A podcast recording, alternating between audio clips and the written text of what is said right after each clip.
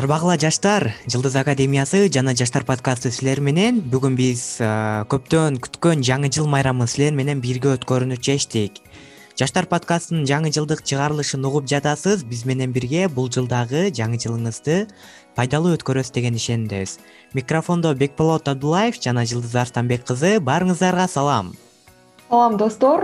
Баарыңар кош келдиңер. Подкастты акырына чейин угуңуздар. Себеп дегенде жаңы жылды жөн гана тосбостон.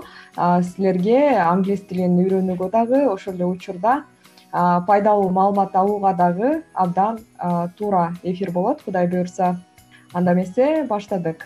Демек жаштарыбыз эки миң жыйырма биринчи жылды. Биз менен англис тилин үйрөнүү менен бирге тосушат экен да албетте туура айтасыз бекболот себеп дегенде негизи көпчүлүк учурда окуучулар жаңы жыл десе көбүнчөсү адаттагыдай эле дасторкон үстүндө өткөрүп жиберишет. Бирок жаңы жылга жакын күндөрү жана жаңы жыл күндөрү биз ушул тема менен байланышкан балким англис тилиндеги ырларды угуп ошол эле учурда кино көрүп англис тилинде же болбосо ошого байланыштуу useful phrases дейт. Англис тилинде пайдалуу маалыматтарды алып пайдалуу сөздөрдү үйрөнүп өткөрсөңүздөр андан дагы сонун болот деп айтабыз сонун чоң рахмат. Анда достор биз жаштар подкастын баштадык. Бизде баардык социалдык тармактарыбыздан ошондой эле анчор google подкаст сыяктуу подкаст түйүндөрүбүздөн уга аласыз. Баштадык анда жылдыз эже кол чабуулар кол чабуулар достор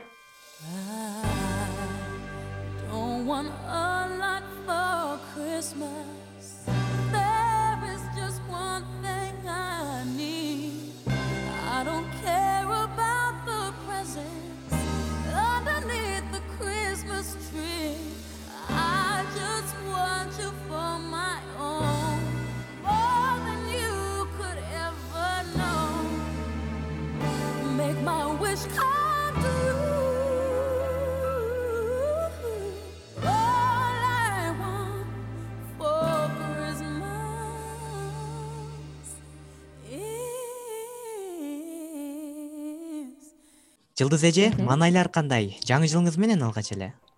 Чоң рахмат. Негизи көпчүлүк ойлосо керек. Э, бул э, негизи эскертип коюш керек. Э, мусулмандардын майрамы эмес ошентсе дагы традициялуу түрдө кыргызстанда бир нече даталар жаңы жыл жана белгилүү күндөр катары эсептелинет. Андыктан биз дагы кааласак каалабасак деле жаңы жылды тосконго туура келет. Анткени кайсы бир деңгээлде муну биз моралдык жактан күтөбүз даярданабыз. Ушул күндүн келүүсүнө көп күн күтүшөт. Адамдар себеп дегенде бул жаңы жыл деген символикалык майрам катары кабыл алынат биз бул күндү көбүнчөсү үй бүлөбүз менен жолуккан же болбосо мисалы чет жерде жүргөн эжелерибиз келсе же дагы туугандарыбыз болсо сагынып жүргөндө жаңы жылды утурбай келгенге аракет кылышат. Демек бул биз үчүн символикалык күн деп айтсак болот. Бирок негизи мусулман дининде муну көп майрамдашпайт да. Ошентсе дагы азыркы учурда бизде холидейс деп коет э азыркы учурда бош көп жакта каникул болуп жаткандыктан албетте маанайлар абдан жакшы анткени көптөгөн иштерди бүтүрүп алууга шарт түзүлүп атат. Негизинен эле азыр коомчулукта сизде кандай бекболот менде баары жакшы. Анан айта кете турган болсок азыркы убакта коомчулукта бизде ар кандай эки тарапка бөлүнүү болуп жатпайбы? Жаңы жылды майрамдоо керек э, майрамдобой керек деген ал эми кыргыз өлкөсү григорий календарын колдонгондугуна байланыштуу менин оюмча дал ушул жаңы жыл майрамын. Биздин өзүбүздүн салтка ылайыктуу кылып өткөрүү бул баарыбыз үчүн эле жагымдуу болсо керек. Андан тышкары быйыл жаштарыбыз жаштар подкасты менен биргеликте англис тилин үйрөнүү менен бирге жаңы жыл майрамдап жатышпайбы албетте эң туура айттыңыз. Негизи жаңы жыл күнүн гана эмес баардык күндөрдү дагы андан өзгөчө кылып өткөргөнгө аракет кылышыбыз керек. Себеп дегенде адамдардын саналуу гана күнү бар э, бир адам айткандай гарантия жок. Эч кимге э канча жыл жашайбыз ошондуктан. Ар бир күн э, биз үчүн майрам биз үчүн символикалык күн болуш керек. Андыктан достор бүгүнтөн баштап мисалы жаңы сөз жаңы ырларды үйрөнүп баштасаңыздар андан ары токтотпой улантыңыздар деп айтабыз. Негизинен жаңы жыл майрамы календарлык план боюнча ар жылдын аягында жана башында белгилене турган бул өзгөчө майрам. Бул майрамды ар кайсы мамлекет ар кандай белгилейт? Айрым өлкөлөрдө бул майрамды тосууда каар жаабайт ал эми кээ бир өлкөлөр болсо бул жаңы жылды ар кандай түрдүү боекторду бири бирине чачуу менен же болбосо сууну чачуу менен өткөрүшөт экен мына кызык. Мына ушундай абдан кызык. кызыктар менен ар өлкө жаңы жылдык майрамды ар кандай белгилешет. Кезектеги рубрикабыз бул жаңы жылдык майрамды башка өлкөлөр кандай белгилешет дал ушул тууралуу болмокчу. Анда назарыбызды бурабыз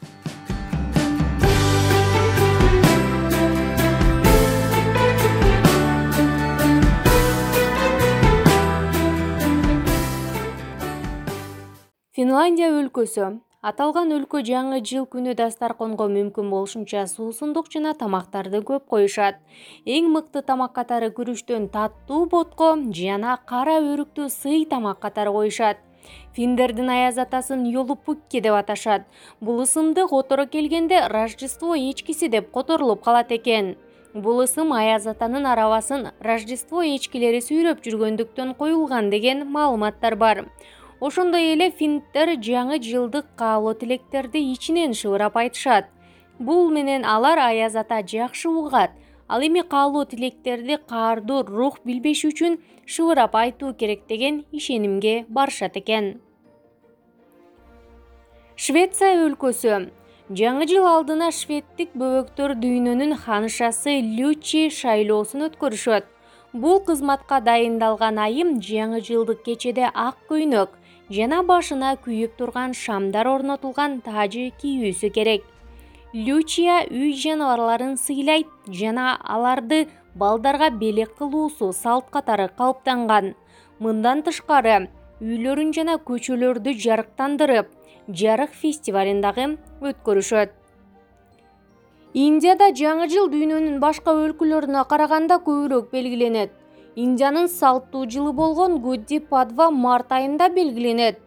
Көптөгөн штаттарда жана жаңы жылды ошол эле жерде жашаган элдин салттуу календарларына ылайык майрамдашат. Эң жаркыраган майрамдардын бири жаңы жыл холле. Түстөр фестивалы эрте жазда өтөт. Биринчи күнү кечинде алар холлики аттуу кудайдын сүрөтүн өрттөп малды отко айдап чоктун үстүнөн өтүшөт андан кийин шаңдуу майрамдар башталат. Бири бирине ачык түстөрдү чачып түстүү суу чачышат. Венгрия өлкөсү. Бул өлкө жаңы жылдын алдында мүйүздөр түтүктөр жана унаалар ардамында ышкырыктарды чыгарышып бүт күчү менен ышкырышат. Бул салты менен алар үйдү эски жылдагы жамандыктарды кууп чыгып жаңы жылда жакшылыктарга үйдөн орун бошотуу үчүн жасашат венгриялыктар жаңы жылдык дасторконду буурчак жаңгак алма бал жана сарымсак менен толтурушат. Кытай өлкөсү. Бул майрамды кытай өлкөсү февраль айында өткөрүшөт жана жаңы жыл жаз майрамы деп аталат. Жаңы жылдын келишин алар ай фазалары аркылуу аныкташат жана ар бир жылдын он эки жаныбардын бирине арнашат кийимдерди жана көчөлөрдө кызыл түскө бөлөнүшү керек жана жаңы жыл күнү. Шаар жана айылдарда мүмкүн болушунча майрамдык ызы чууларды жаратышат. Фейерверктердин жарылышы салттуу кытай музыкалары менен алар жамандыкты кууп чыгышат. Бул күнү башка өлкөлөрдө же башка шаарларда жашагандар майрамды белгилөө үчүн сөзсүз үйлөрүнө кайтышат япония өлкөсү бул жылды григорин календарь менен белгилешет бирок жаңы жылды майрамдоо дээрлик бир айга созулат. Жапондор өз үйлөрүн бамбуктан кара өрүктүн бутактарынан жана карагайдан жасалган композициялар менен кооздошот. Бул байлыкты бакубатчылыкты жана сүйүүнү билдирет. Жаңы жыл алдында ибадатканаларды кыдырып кудайынан бакыт жана ден соолук сурашат таиланд өлкөсү. Жаңы жылды апрелдин он үчүндө майрамдашат. Таиланд өлкөсүнүн жашоочулары жаңы жылды сонгкран деп атап эски жыл кетип жаңы жаан чачын мезгили башталган убакта белгилешет. Жаңы жыл учурунда таиланддыктар бири бирине суу чачышат. Бул тазалануунун белгиси катары калыптанып калган жаан чачындуу мезгил аяктаган он биринчи сентябрда эфиопия жаңы жылды энку татыштуу майрамдайт. Эфиопиялыктар эквалип жана карагайлардан бийик от жагышат. Аддис абебанын башкы аянтында чогулган шаар тургундары негизи өрттүн күйүп кеткен чокусу кайсы тарапка түшөрүн байкап турушат. Эң мол түшүм кийинки жылы ошол тарапта болот майрам учурунда алар салттуу кийимдерди кийишет чиркөөгө барышат жана зыярат кылышат. Жаркын кийимчен балдар гүл чамбарларды таркатышат кошуналарына жөө барып акчалай сыйлык үчүн кыздар ырдашат ал эми балдар сүрөт тартышат. Жаңы жыл күнү италиялыктар терезеден керексиз таштандыларды жана эски буюмдарды ыргытышат керексиз нерселерди канчалык көп ыргытсаңыз жаңы жылда ошончолук бактылуу болосуз деп ишенишет. Италия жаңы жылды биринчи январга караган түнү белгилейт. Адамдар жаркыраган грилляндалар менен кооздолгон көчөлөргө чыгышат. Унаа кыймылы тосулуп аянттарда оюн зооктор уюштурулуп турат.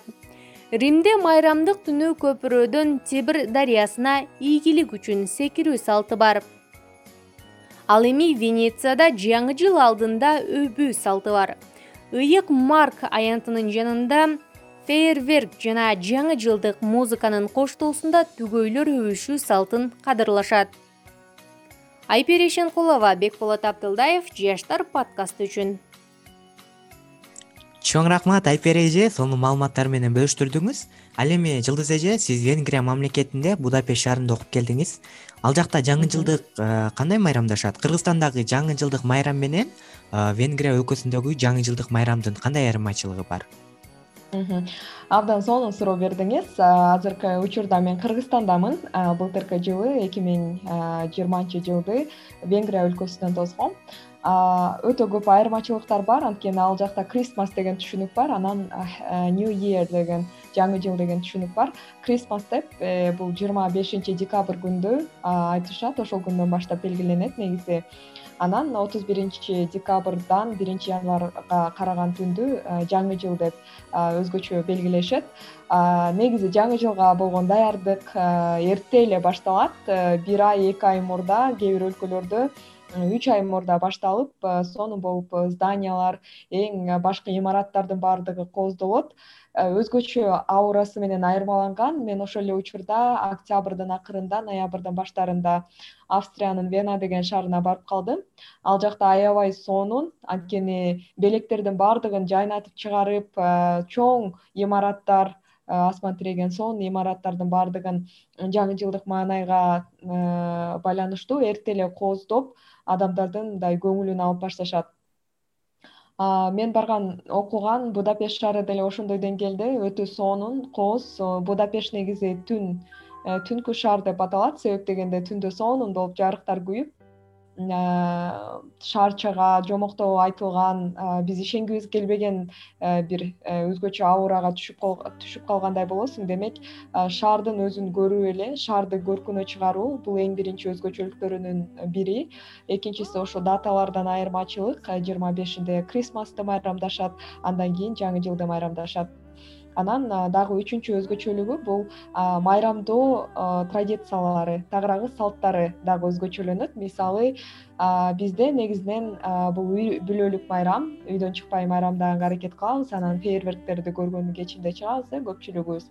Ал жакта деле ошондой болгону алар үй бүлөсү менен достору менен майрамдашат. Анан менин байкашымча ичимдиктер көп ичилет экен тилекке каршы айрыкча мисалы бизде ичимдикти үй бүлө менен чогуу атаң менен апаң менен ичкен аябай туура эмес э, көрүнүш. Бирок венгрияда үй бүлөсү менен чогуу эле мисалы ичимдиктин аябай неме түрлөрүн эмес. Мисалы шарап деген сыяктуу же болбосо шампанский ошол нерселерди же пиво ичип деле бирден бутылка кармап алып эшикте жүрө берген үй бүлөлөрдү көрүп былтыр мен абдан таң калгам чынын айтайын. Анан ошол күнү транспорт аябай көп болот былтыр көргөнүм боюнча. Анан көбүнчөсү алар өзүнүн улуттук тамактарын жасап биз окшоп эле майрамдашат болгону аурасы бир аз башкачараак анан адамдары ошол күнү бийлегенди жакшы көрөт ырдаганды жакшы көрөт. Биздикиндей эле да негизи көпчүлүк жагы окшош бирок бир аз өзгөчөлүктөрү бар. Чоң рахмат негизинен ар башкы өлкөдө ар кандай кызыктуу жаңы жылдык майрамды өткөрүшөт бул боюнча бизде айпери эже дагы баса белгилеп айтып кетти ал эми жаңы жыл майрамында негизги эле майрамдоонун салты катары бизде ар кандай жаңы жылдык ырлар дагы ырдалат. Бул боюнча дагы биз атайын рубрикалар даярдаганбыз. Негизинен сиз жаңы жылдык майрамды майрамдык ырларды жакшы көрөсүзбү? Мисалы кайсы ырды көбүнчө угуп каласыз негизинен салтка айланып калган сонун ырлар бар. Last christmas деген ыр бар. Ошол ырды биз манас университетинде окуп жүргөндө эжебиз жаттаттырган болчу. Баарыңарга сунуштайм. Менин оюмча музыкасын укса баардык эле тааныса керек. Анан jingle bells деген ыр бар. Бул да традициялуу салттуу баардыгыбыз билген кулагыбызга сиңип калган ырлардын катарын толуктайт. Анан winter wonderland деген кышкы сыйкыр деген дагы сонун ыр бар. Пери комо деген адам аткарат. Э, бул дагы абдан сонун ыр ал эми азыркы учурда мунун көбү э, баягы токсонунчу жылдардан кийин чыккан жаңы эле чыгып аткандардан фалала деген джастин бибердин ырлары бар экен. Ошол ырларды дагы угууну сунуштайм негизинен ушул ырлар чынында биз жаңы жылдык ырлар жыйнагын топтоп койдук азыр аларды угайлы андан кийин сөзүбүздү улайбыз. Сүйүктүү каармандар мария гарет жастин бибер жана ариана гренди жана башка адактуу ырчылар аткаруусундагы жаңы жылдык ырларга назарыңыздарды сунуштайбыз.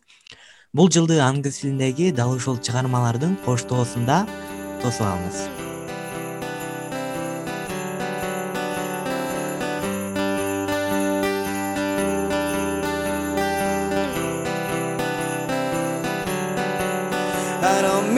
to hold on to your arm for so long. December it comes in a flash then it's gone. A hope in your eyes that i can't put a price on. I won't let you go through this year all alone and i think back through fall and the summer and how it changed everything. Let's walk through snow in the about our troubles cause christmas is coming. So don't buy me nothing. I got what i wanted. I got what i needed. And christmas is coming. So don't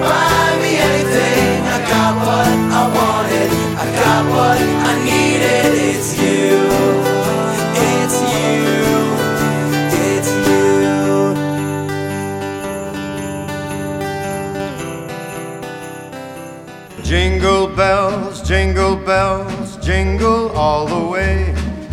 Oh what fun it is to ride in a one horse open sleigh. Jingle bells jingle bells jingle all the way. Oh what fun it is to ride in a one horse open sleigh.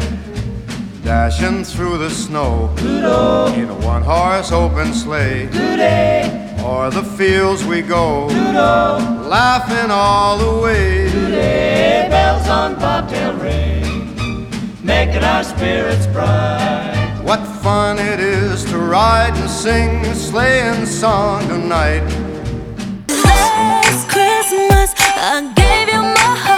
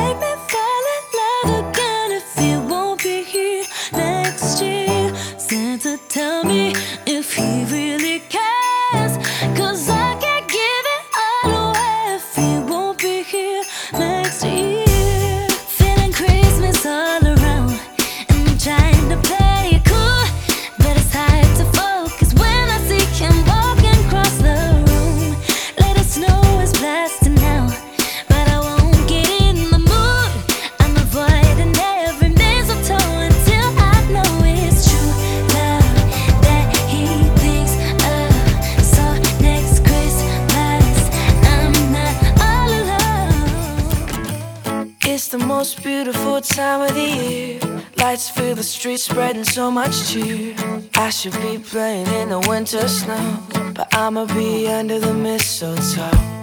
I don't wanna miss out on the holiday, but I can't stop staring at your face. I should be playing in the winter snow, but I'ma be under the mistletoe with you. Shawty with you, with you. Shawty with you,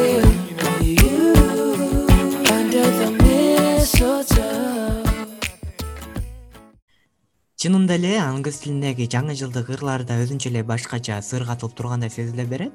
Ал ырларды окуу үчүн чынында англис тилин билүү керек делет да. Жылдыз эже айтсаңыз дал ушул англис тилин үйрөнүүдө кандай эрежелерди эске алуубуз керек? Мисалы азыр көпчүлүк жаштарыбыз жаңы жылдан кийин жаңы жылдан баштап англис тилин өтө терең үйрөнүп баштайм деп ниет кылып жатса керек. Аларга кандай кеңеш бересиз абдан туура айтып кеттиңиз. Э, көбүнчө нерселерди адамдар жаңы жылдан кийинкиге жылдырат экен. Жаңы жыл башталса эки миң жыйырма биринчи жыл башкача жыл болот деп күтүп аткандар абдан көп. Себеп дегенде эки миң жыйырманчы жыл э, жеке эле адамдарга эмес жалпы адамзатына абдан сыноо болгон абдан оор жылдардын катарына кирип кетти. Э, себеп дегенде биз башыбыздан ковидти өткөрдүк бул. Э, дүйнөлүк тарыхта кала турган эң чоң окуялардын бири болду. Бул жеке эле ден соолугубузга эмес ошондой эле экономикалык жактан дагы саясий жактан көп жактан дүйнөнүн баягы өзгөрүшүнө билим берүү жагынан дагы дүйнөнүн өзгөрүшүнө алып келе турган чоң окуя болду негативдер көп болду деп айтып атат. Анткени адамдар чындыгында жакындарын жоготту тилекке каршы ошондуктан а, жыйырма биринчи жылдан үмүтүбүз чоң. А, ковидти баягы айыктырган вакциналардын саны дагы көбөйөт. Кыргызстанга да келет баардык адамдарга жетет деп э, дүйнө жүзүндө эле негизи ушул маселе жоюлат деп күтүп аткан чагыбыз. Андыктан жыйырма биринчи жылга андан тышкары абдан сонундагы жеке адамдар пландарын куруп атса керек. Анын ичинде сөзсүз түрдө англис тили дегенде көпчүлүк мисалы мен деле америкага барып келдим будапешттен окудум башка өлкөлөрдө жүрөм. Көрүп алып аябай кызыгып суктанып сурап калышат. Жылдыз эже кантип кеттиңиз эмне кылсак болот эмне артыкчылыгыңыз үчүн сизди тандап алышты деп албетте эң биринчи эле мен англис тилиңер тил болуш керек деп айтам. Себеп дегенде ал жакта жашыңыз туура келсе жакшы окусаңыз аттестаттарыңыз болсо дипломдоруңуз сертификаттарыңыз болсо англис тилиңиз болбосо анда баары бир өтүү мүмкүнчүлүгү жок. Анткени ал жакта программа толугу менен англис тилинде ошондуктан дүйнөнү кыдырыш үчүн албетте биринчи англис тилин мыкты деңгээлде өздөштүрүш керек. Бул үчүн кандай эрежелер керектелинет эң биринчи англис тили сизге керек экенин билгенден баштап эле үйрөнүп башташ керек. Көпчүлүк адамдардын минусу проблемасы бул англис тилин эртең үйрөнөм күнү үйрөнөм жаңы жылдан кийин үйрөнөм бир айдан кийин үйрөнөм эки айдан кийин үйрөнөм азыр акчам жок болуп атат азыр убактым жок болуп атат эртең мындан да жакшы күн келет деп э, жылдыра берет. Анан бул процесс өтө жайлап кетет. Биринчи ошо башташ керек анан экинчи баштагандан кийин таштабаш керек. Бул дагы өтө маанилүү нерсе. Анткени мен эки миң он алтынчы жылы англис тилин үйрөнүп баштаганда биздин группабызда өтө көп адамдар бар болчу биз менен барган. Анан алардын көбү азыркыга чейин англис тилин үйрөнө элек тилекке каршы эмне үчүн? Себеп дегенде алар баштап ар кандай себептер менен улантпай калышкан англис тилин кыргызстанда үйрөнүш бир аз кыйыныраак себеп дегенде бизде практика жок. Практика кыла турган адамдар жок. Ошондуктан теориясын көбүрөөк үйрөнгөнгө туура келет. Ал эми практикага башка мамлекеттерге барганга туура келет. Ушундай учурда теориясын дагы үйрөнбөй таштап салсаңыз анда англис тилин үйрөнүш албетте оор болот. Анан үчүнчү үчүнчү эмес негизи эң башкысы бул англис тилин сүйүп окуш керек бул нерсени өзүңөргө кыйноо катары эч качан көрбөгүлө өзүңөрдү кыйнап окубагыла албетте кыйнап окуш керек. Качан мисалы сөздөрдү жаттаганда анткени сөздү жаттоо процесси өтө татаал. Анткени бул башка бирөөнүн тили. Бирок англис тилин сүйүп калсаңар англис тилин мындай англис тилинде түш көрсөңөр мисалы англис тилинде ырларды күндө жаттасаңар кино көрсөңөр англис тилин грамматиканы атайын курстардан окусаңар баардыгын комплекстүү түрдө үйрөнүп кетсеңер бул өтө жеңил болот. Англис тилин жаман көрүп бул нерсени кыйноо катары көрүп башынан ушинтип үйрөнгөндөр албетте кыйналат. Жана үйрөнүү процесси өтө шашпай жай өтөт да ошол нерселер. Анан эң башкысы албетте силерге багыт бере турган бир нерсе керек. Айрыкча башынан баштап үйрөнүп аткандарга айта турган нерсе. Себеп дегенде көпчүлүк окуучулар көпчүлүк адамдар өз алдынча үйрөнөбүз деп баштап анан оорлорун башында окуп алып түшүнбөй же жеңилдерин окубай өткөрбөйүп ушундай маселеге кабылышат андыктан бул жакта силерге үйрөтө турган кайсындан кийин эмнени үйрөнүш керек? Э, кайсы левелде мисалы кайсы даражада эмнелер маанилүү ошону үйрөтө турган адамдар керек?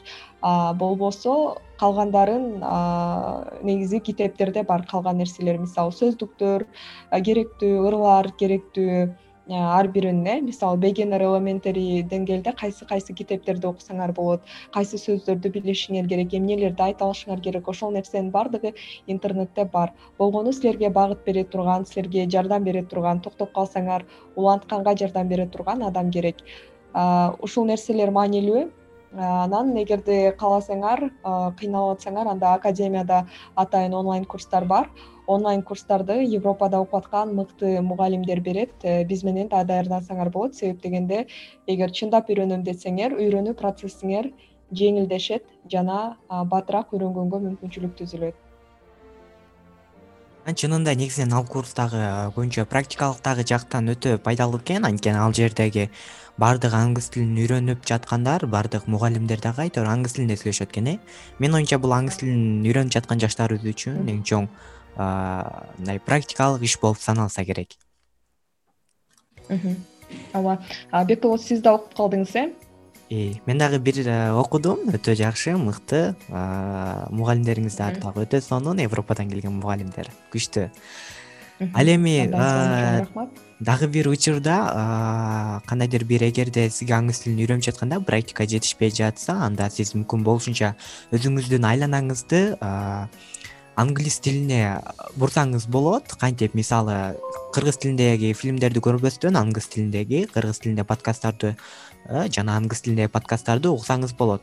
Чынында бул э, баардык э, турганда ойлонгондо жатканда айтор баардык жактан сиз өзүңүздү кабыл алуулардын баарын англис тилине которсоңуз анда менин оюмча практика жагынан сизге жакшы болот деп ишенем. Абдан сонун айттыңыз туптуура ал эми жылдыз эже айтсаңыз негизинен башкы каарман кевин болгон үйдө жалгыз тасмасын канча жашыңызда алгачкы жолу көргөнсүз? Абдан сонун суроо. Буга чейин эч ким мындай суроо сураган эмес экен. Ойлонуп калдым. Азыр кевинди аябай чыккандан баштап эле көрүп баштасак керек. Э, мен жаңылбасам жети сегизинчи класстарымда көрсөм керек биринчи жолу.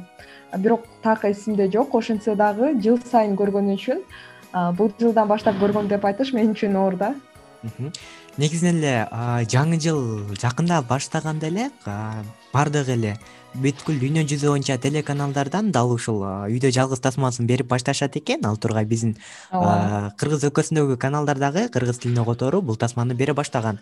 Бул тасма негизинен дүйнөдө абдан популярдуулугун көтөрүп менин оюмча азыркы убакта төртүнчү же бешинчи киносу да тартылды э анын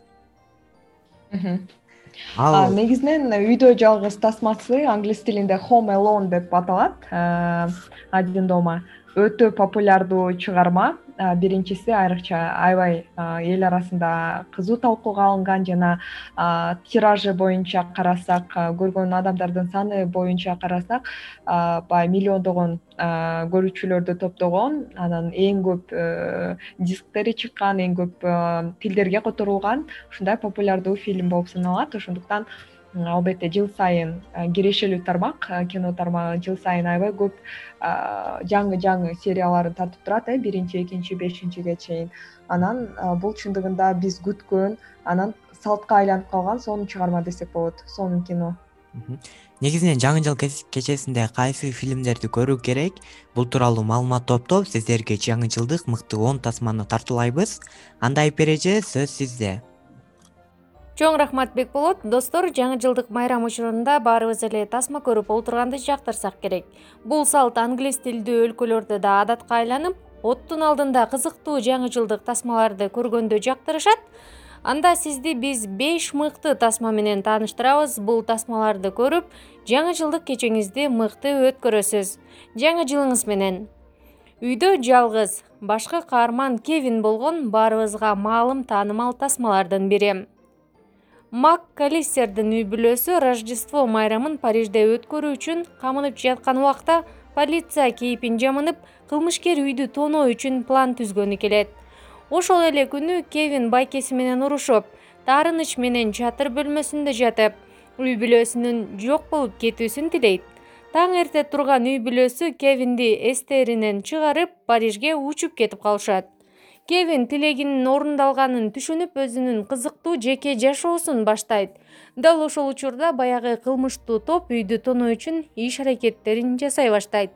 Аны байкап калган кевин үйүн куткарып калуу үчүн болгон аракетин жумшап план түзөт.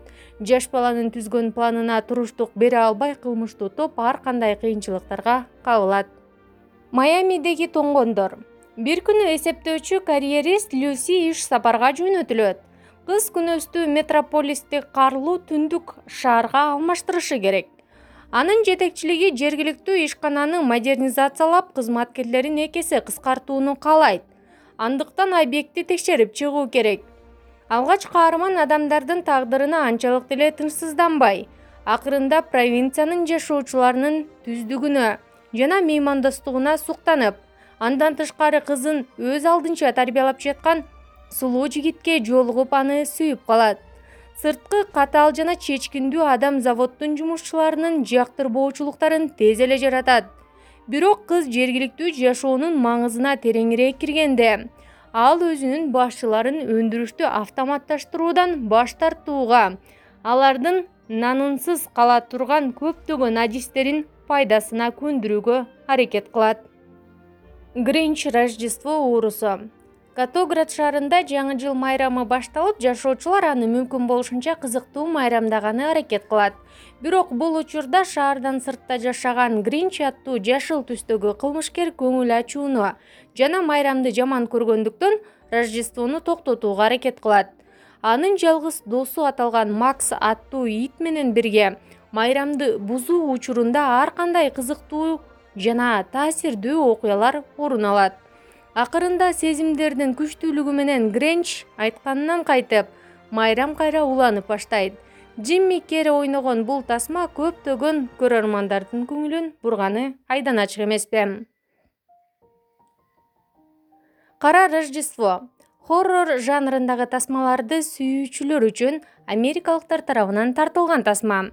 Тасма жүрүшүндө студенттер тобунун жаңы жылдык майрамдан кийин сырдуу өлүмү баяндалат студенттик кечеден кийин студенттердин бири табышмактуу түрдө жоголуп калгандарынын артынан маньяк аңдып аларды өлтүрүүгө аракет жасай баштайт.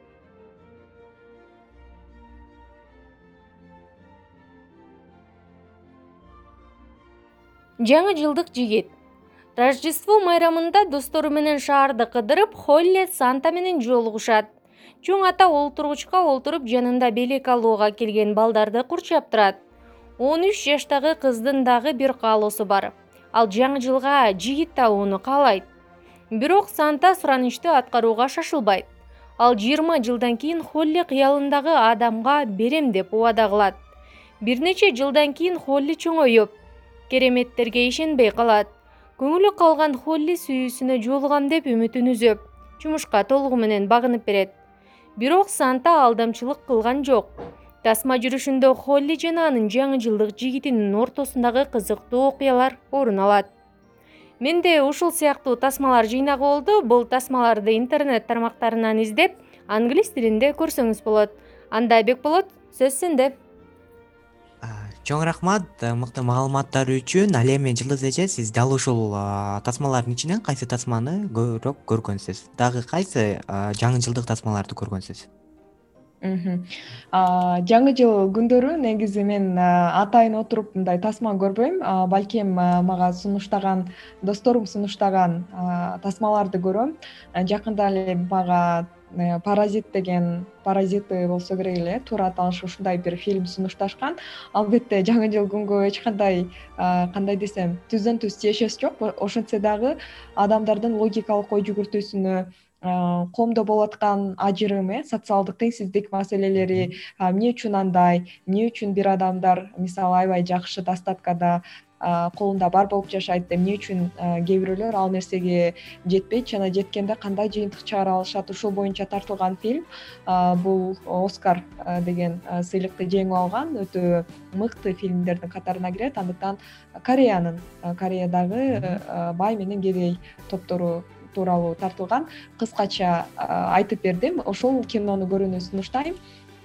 Дагы бир мага жаккан фильм the star is born деген оскар алган фильм. Бул дагы леди гага тартылган жана броудли кипер беле ушундай дагы бир актер тартылган ошол бир эле учурда актер анан оператор болуп бул дагы эң мыкты тасмалардын катарына кирет э, жаш ырчы кыздын өмүр баяны кантип популярдуу болду ошол тууралуу адамгерчилик тууралуу. Ушул эки фильмди көрүүнү сунуштайм. Андан тышкары аябай сонун фильмдер бар негизинен жалпысынан айтканда. Бирок бул ар бир адамдын тандоосуна жараша болсо керек менин оюмча. Кээ бир адамдар документалдуу фильмди жакшы көрөт демек ошондон эргүү алат.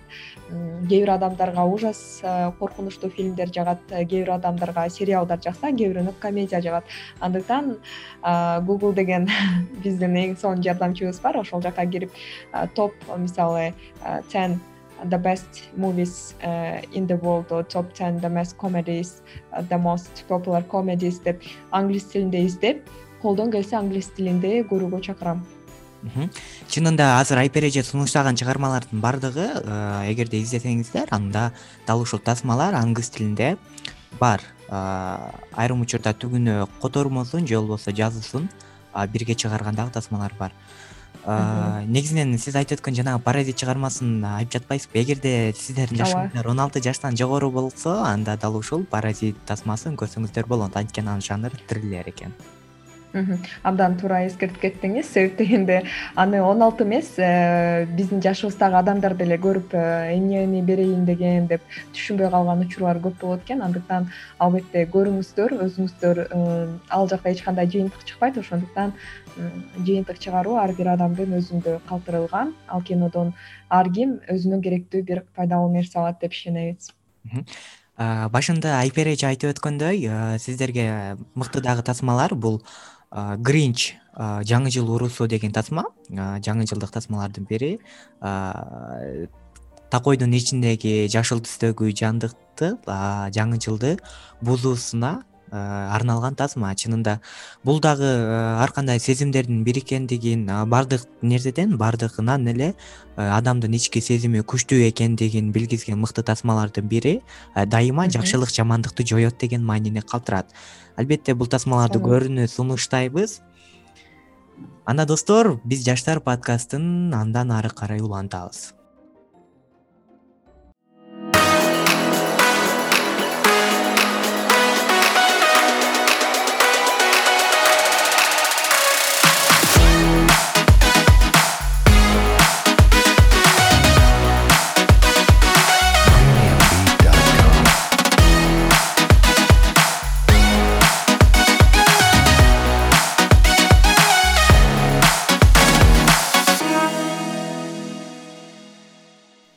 ардактуу достор силер менен жаштар подкасты. Биздин кайрадан жолугуп жатканыбызга абдан кубанычтабыз. Эскерте кетсек жаштар подкастын э, жылдыз академиясы тарабынан түзүлгөн подкаст.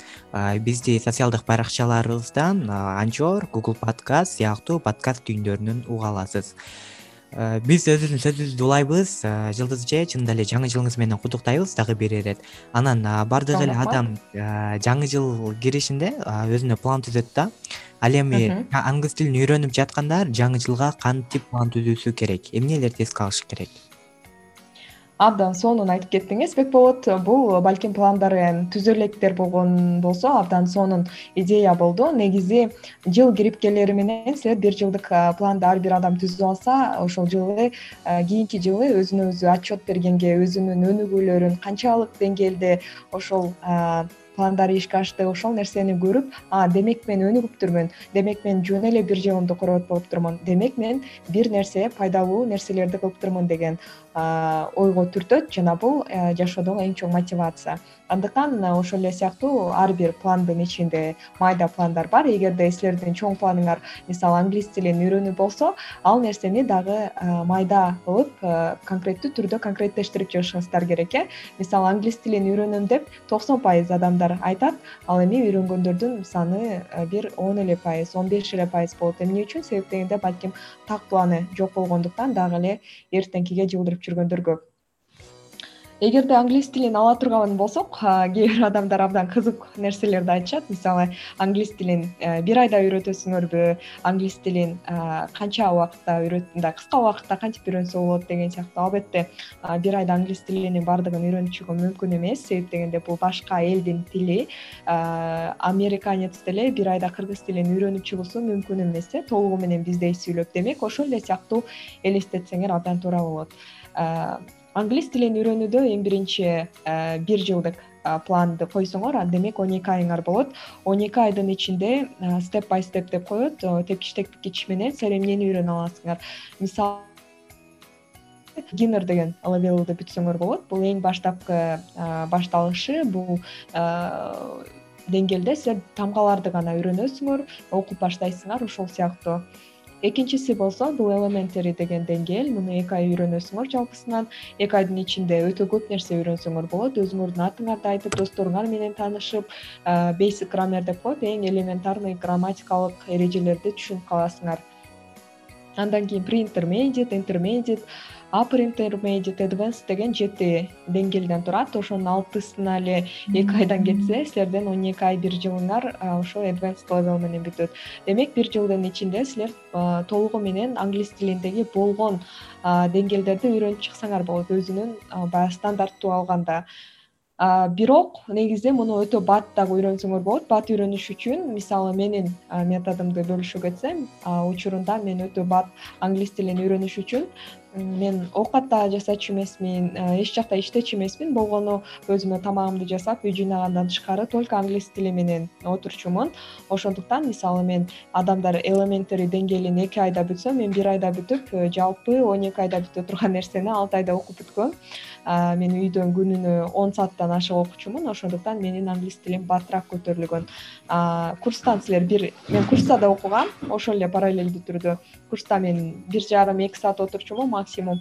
Ал нерсе мен үчүн жетчү эмес ошондуктан мен үйдөн дагы кошумча сегиз саат окуганга туура келчү андыктан достор биздин курста окуп жаткандарга да көп айтабыз окуй электерге да айтабыз. Негизинен курстар силерге багыт берүүчү өтө сонун инструмент. Бирок өзүңөр кошумча көбүрөөк окушуңар керек болот. Демек он эки айга ошондой кылып бөлүп алышыңыздар керек демек э, планыңар түзүлдү деп коелу advance level менен уже экинчи жылга toyfl тапшырганга даярдана берсеңер болот. Анан toyfl тапшырып андан кийин чет мамлекеттеги окууларга тапшырганга даярдана берсеңер болот. Демек силерге жалпы англис тилин үйрөнүш үчүн толук бир жылыңар кетет эгерде мага окшогон методдорду колдонгондор болсо анда эртерээк болот. Бир аз бирок аны колдонуш үчүн албетте олуттуу кадамдарды таштап ошол нерсеге даяр болушуңуздар керек. Сегиз саат тынбай окуганга англис тили менен убактыңардын баарын өткөргөнгө даяр болушуңуздар керек. Ошондуктан бул нерселер силерге айтылган мындай көп жактан уга бербеген секреттер. Чындыгын айтканда эң башкысы ким баштаса токтотпосун анан ким англис тили керек экенин билсе анда бүгүн баштасын азыр укса азыр баштасын. Бул өтө маанилүү анткени бир жыл жылдырсаңыз бир жыл жашооңуз артта калат дагы кыялыңыздан бир жыл артка кетесиз. Дагы бир э, бир ай жылдырсаңыз демек бир ай артка кетесиз да. Ошондуктан токтобой окуш керек бул мындай ийгиликтүү инсандардын кылган эң чоң кадамдары. Ошоң достор. Чоң рахмат жылдыз эже мыкты маалыматтар менен бөлүшкөнгө демек э, англис тилин үйрөнүүчүлөр ардактуу достор. Эч качан ордубузда турбай англис тилин эч болбосо бир сөздөн жаттап болсо дагы англис тилин үйрөнүп баштайлы. Э? Абдан туура айттыңыз албетте. Чоң рахмат жылдыз эже баардыгыбыздын келе жаткан дагы бир жолу жаңы жылыбыз менен анда эмесе сөздүн акыркысы жылдыз арстанбек кызында болсун. Келиңиз жылдыз эже өзүңүздүн окурмандарыңызды жаштар подкастынын угармандарын жаңы жыл менен куттуктап кетиңиз чоң рахмат эфир үчүн сиздин убактыңыз үчүн сонун суроолор үчүн рахмат. Бүгүнкү берилген суроолордун көбү дал ушул биздин угармандарыбызга пайдалуу болуп калсын. Ушуларга жок дегенде жашоосунун бир бөлүгүн болсо да өзгөрткөнгө жардам берсин деген максатта ошондой ниетте айтылган суроолор болду. Анан бүгүн абдан көп пайдалуу маалыматтарды алдыңыздар урматтуу достор. Аягына чейин уккандар азаматсыңар. Силерге өзгөчө бизден чоң чоң жүрөктөр жана ылайыктар эң башкысы э, биринчисинен ден соолугуңуздар болсун үй бүлөңүздөр менен аман болгула анткени жашоонун баркы кадыры канчалык жогору экенин быйыл ковид бизге дагы бир жолу эскертип өттү окшойт. Андан тышкары эң башкысы алдыга умтулганыңардан жазбагыла достор. Так максат койгондо кыялыңарды максатка максаттарыңарды планга жана пландарыңарды реалдуулукка ашырып андан жыйынтык алганга аракет кылыңыздар. Анткени кыял ар бир адамда бар. Кыял жаныбарларда дагы бар. Кыял канаттууларда дагы бар. Бирок адамдын айырмасы ал нерсени мындай конкреттештиргени ал нерсени аткара билгени жөндөмдүүлүктөрү эске алынат. Эгерде миң кыялыңыз болсо бирок бир дагы степ бир дагы кадам жасабасаңыз анда ал жөн эле убактыңыздын бошко кеткени. Анан албетте эң кымбат валюта деп айтылат бул убакыт. Убактыңарды текке коротпогула кимге канча жашоо берилген ал аллах тааланын колунда. Бирок аны кандай өткөрүш ар бир адамдын өзүнүн колунда ага жоопкерчилик алыш дагы ар бир адамдын өзүнүн колунда. Эч кимден эч нерсе күтпөңүздөр достор өзүңүздөр аракет кылгыла. Анткени бир сыйкырдуу таяк жок дүйнөдө айлантып айлантып мисалы бекболот азыр англис тилинде сүйлөп америкага барып калсын үч күндөн кийин десек бекболот америкага кетип калбайт чындыгында. Же болбосо мен асманга учайын десем андай нерсе жок да. Ошондуктан андай нерсеге ишенип э, ошол нерсеге ишенип отургандар көп подсознательно да. Вот ошол нерсени кайталабаңыздар достор. Э, колуңардан келет. Бизде деле жыйырма төрт саат бар силерде дагы жыйырма төрт саат бар. Эки көзүңөр көрөт кол бутуңар иштейт кудайга шүгүр аба менен дем алып атасыңар. Бизде деле ошондой болгону бизден эмне айырмачылык. Балким биздин максаттарыбыз тагыраак көбүрөөк иштейбиз ошол эле нерсе. Демек ушул эки нерсени жойсоңуздар көбүрөөк нерсе кыласыңар албетте ар бир нерседе кыйынчылык болот. Ошол нерседен чыдап чыдап өтүп кеткенге аракет кылгыла. Калган нерселер менин оюмча жеке иштериңер болсо керек. Баарыңарга дагы бир жолу жагымдуу күн бүгүнкү күндү абдан пайдалуу өткөрүңүздөр. Бул күн эле эмес негизи баардык күндөрдү жүз пайыз энергиясын алып жүз пайыз майын чыгарып колдонгонго аракет кылыңыздар. Ошол эле учурда биздин алып баруучубуз эң мыкты инсан абдан активдүү кыргызстандын келечектеги эң мыкты уулдарынын катарын толуктай турган бекболот сизге дагы чоң рахмат. Бүгүнкү күнүңүз абдан сонун өтсүн сизге ишенебиз. Жана ийгилик. Чоң рахмат. Негизинен биз жылдыз арстанбек кызынан жаңы жылды куттуктоо сурасак бизге толтура кеңештерди бере салды. Карасаңыздар дал ушул менен биз жаштар подкастынын биринчи сезону экинчи эпизодун жыйынтыктайбыз. Сиздер менен кийинки чыгарылыштарда көрүшкөнчө саламатта туруңуздар дейбиз. Баарыңыздардын жаңы жылыңыздар менен. Саламатта туруңуздар достор